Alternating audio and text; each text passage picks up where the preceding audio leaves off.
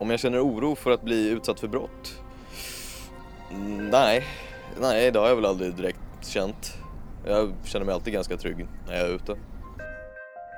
Jo, men jag kan nog känna lite oro ibland, särskilt om jag är ute sent en kväll. Man hör ju så mycket om rån och våld i samhället idag. Paradoxen är tydlig. Äldre personer är de som är mest oroliga för att drabbas av brott. Samtidigt är det de som är minst utsatta.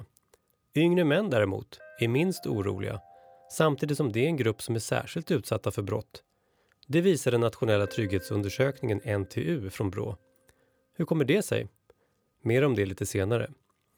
Men först det här med trygghetsundersökningen. Varför finns NTU och vad kan man använda den till? Och apropå trygghet, hur mycket litar vi på rättsväsendet? Det här är Snacka om brott, en podd från Brå, Brottsförebyggande rådet.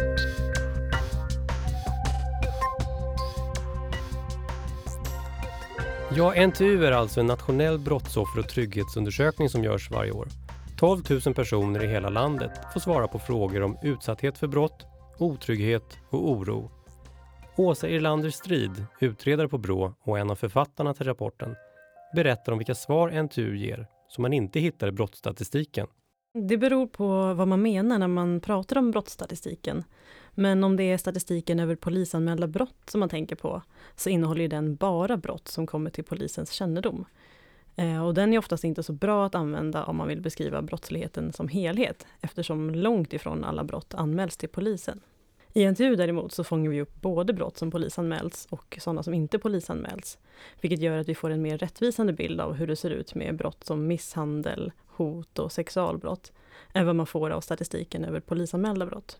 Dessutom innehåller NTU mycket mer information om brotten, till exempel om brottsplats, gärningspersonens kön och relation till den utsatta, och när på dygnet som brotten sker. Hur ser då skillnaden ut i statistik när det gäller faktiska anmälda brott och undersökningar av människors egna upplevelser av utsatthet för brott? Thomas Wittfeldt är utredare på Brå och även han är en av författarna till rapporten. Till att skilja med så måste man ju hålla isär att eh, även de polisanmälda brotten är ju upplevda brott. Eh, konstaterandet huruvida det är ett brott det bestäms ju först i en domstol så att själva upplevelsebiten är ingen skillnad vad gäller anmälningar och de som vi får in via NTU. Sen när det gäller eh, resultaten, eller vad de visar, så kan vi se att genom NTU får vi, eh, fångar vi betydligt flera brott än vad, eh, eh polis, vad som polisanmäls. Eh, det är lite olika för olika typer av brott, eh, men på det stora hela så, så är det den stora skillnaden. Hur kan man då använda sig av resultatet i undersökningen? Thomas Wittfeldt igen. Framförallt så använder man ju resultaten för att, med, för att följa utvecklingen vad gäller eh, olika typer av brott. Huruvida de ökar eller minskar. Eh, men vi kan också med undersökningen se var de sker någonstans, när de sker. Vi kan eh, se vilka som utsätts för olika typer av brott. Eh, vilka grupper. Eh, och vi kan få en del information också om vilka och vilka omständigheter som, vilka som utför brotten och vilka omständigheter de sker kring. Varför är det bra att ha den här kunskapen? Det är till exempel viktigt i polisens brottsförebyggande arbete och kan vara ett stöd för dem i hur de planerar sitt arbete och fördelar sina resurser. Genom NTU lär vi oss att anmälningsstatistiken fungerar bra för bostadsinbrott. Det vill säga i princip alla inbrott anmäls. Andra brottstyper har betydligt större mörkertal. Hur ser mörkertalet ut för olika brottstyper? Till exempel misshandel och sexualbrott. Vad visar NTU? Åsa Irlander Strid igen. Innan NTU fanns så pratade man mycket om mörkertalet i anmälningsstatistiken och att det varierade över tid för olika typer av brott. Men man visste egentligen inte hur mycket det handlade om. Ehm, men nu med NTU så kan vi faktiskt säga att det inte är mer än 30-40 procent av alla fall av misshandel mot vuxna som anmäls till polisen. Och tittar man på sexualbrott så är det på sin höjd kanske 10-20 procent av brotten som anmäls. Det här är ju den nionde undersökningen som har gjorts. Vad kan man säga om trenderna? Vad har förändrats mest? Sen vi började mäta 2006 så kan vi se generellt positiva trender. Ehm, det är en större andel som känner förtroende för rättsväsendets myndigheter idag jämfört med då. Samtidigt som andelen av befolkningen som utsatts för brott och eh, andelen som känner sig otrygga har minskat. En annan sak som har ändrats tydligt är människors uppfattning om brottsligheten. Ehm, de flesta tror fortfarande att brottsligheten ökar, men det är betydligt färre som tror det idag om man jämför med för åtta år sedan.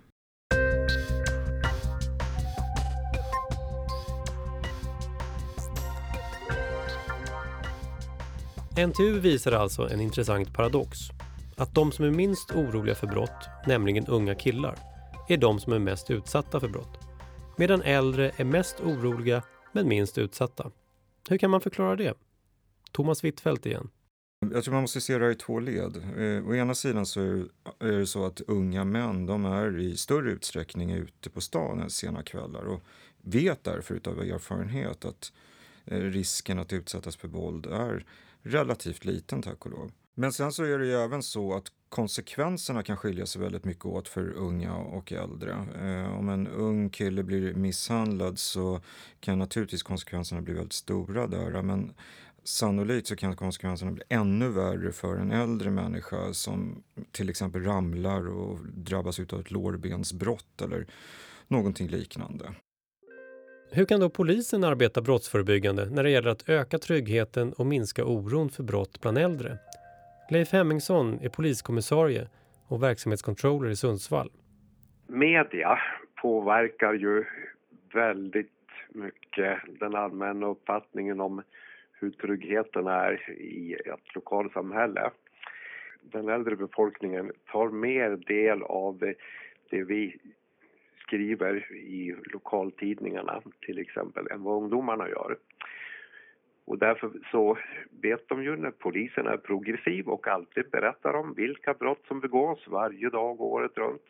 Det tar de till sig och så det är ju kanske vi själva från polisens sida som, som sprider, eh, oaktat eh, det var meningen, men att vi sprider en, en känsla av att eh, brotten är många och de är grova vid sidan om eh, att vi ska tänka på hur vi kommunicerar och hur vi informerar allmänheten om, eh, om, om brott och trygghet så ska vi ju naturligtvis försöka också vistas mer i miljöer där de här personerna som eh, vi vill påverka och vi ska vara mer på äldreboenden, vi ska vara i grupper, i seniorgrupper Eh, där man har byggt upp den här kanske oron och misstänksamheten mot hur det verkligen är att vara ute.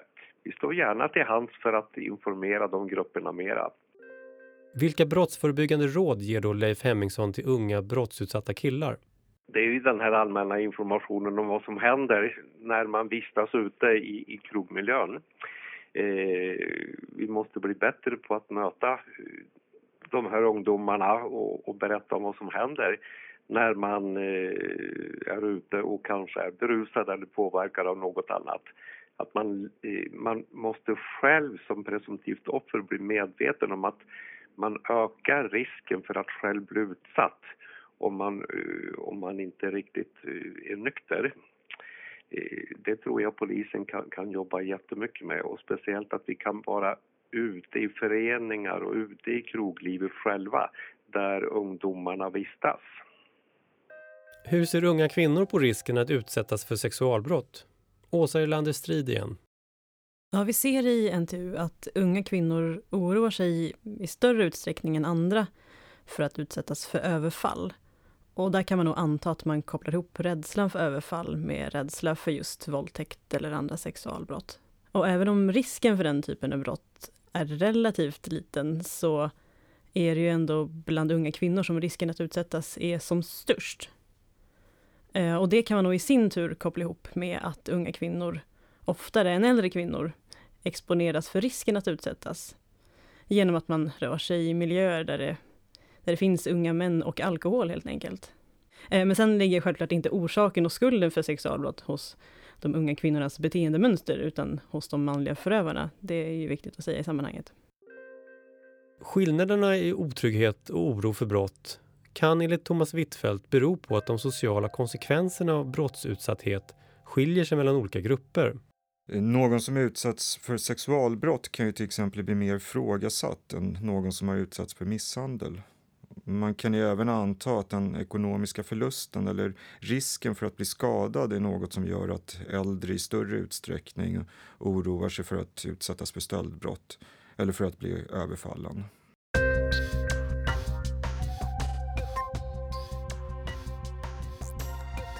Att känna oro för brott är en sak. Men man kan också känna sig otrygg för att man inte riktigt litar på polis och domstolar. Så hur ser det ut med förtroendet för rättsväsendet? NTU visar att andelen som har stort förtroende har ökat sedan 2006. Trots negativa händelser och uppmärksamhet i media som skjutningar, rymningar och Södertäljerättegången som fick göras om på grund av jäv.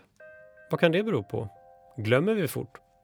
Våra mätningar tyder på att man har ett ganska grundmurat förtroende för rättsväsendet och att det inte påverkas av enskilda negativa händelser. Och under den här perioden som vi har mätt så har det ju till exempel varit skandalen om polisens romregister och uppmärksamhet kring olika rättegångar som har behövt tas om.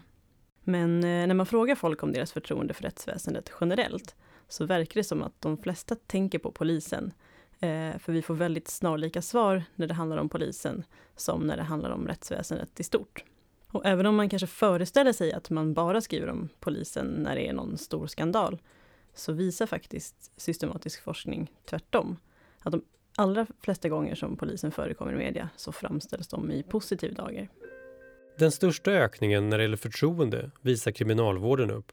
Andelen som har stort förtroende ökade från 29 procent 2006 till 42 procent 2014. Hur kommer det sig? Thomas Wittfeldt har en trolig förklaring. Ja, när vi började den här undersökningen då hade relativt nyligen och under den perioden så skedde det ett antal eh, uppmärksammade rymningar från eh, några fängelser i, i landet. Sedan dess har rymningar minskat i väldigt stor utsträckning och framförallt så skrivs det inte särskilt mycket om, om kriminalvården på det sättet i media. Kriminalvården skrivs det inte om särskilt mycket eh, överhuvudtaget. Så vårt antagande är där att kriminalvården följer med från en lägre nivå eh, det övriga förtroendet för rättsväsendet och så länge det är tyst om kriminalvården så tiger hälsan still och, och eh, förtroendet för kriminalvården ökar. Finns det då några särskilda mönster som framträder när det gäller förtroende för rättsväsendet? Det vi kan se är att kvinnor i större utsträckning har förtroende för rättsväsendet i sin helhet men även för de enskilda myndigheterna. Och så har det sett ut under hela mätperioden. Eh, lite mer överraskande resultat eh, är väl att eh, i alla eh, delar av rättsväsendet så är det de allra yngsta som har störst förtroende. Och sedan så sjunker förtroendet med ålder. Eh, det är inget specifikt för den senaste mätperioden utan det här är, så här har det sett ut under hela tiden vi har eh, gjort den här undersökningen. Hur kommer det sig? Det vet vi faktiskt inte. Det, det, vi ser är ju att det inte är en generationsfråga, det vill säga det har alla år då varit just den allra yngsta åldersgruppen som har lägst förtroende. Men Undersökningen är inte riktigt designad för att kunna svara på sådana frågor utan det, vi följer utvecklingen först och främst med den här undersökningen.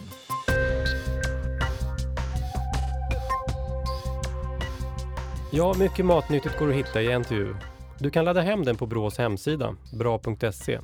Där kan du också beställa den i tryckt form. Du hörde Åsa Erlander Strid och Thomas Wittfeldt, båda utredare på Brå, och Leif Hemmingsson, poliskommissarie i Sundsvall, och jag, jag heter Johannes Rosenberg. Dela gärna Snack om brott i sociala medier. Snack om brott produceras av poddstudion.se, en del av Copyfabriken. Tills vi hörs igen, ha det så bra!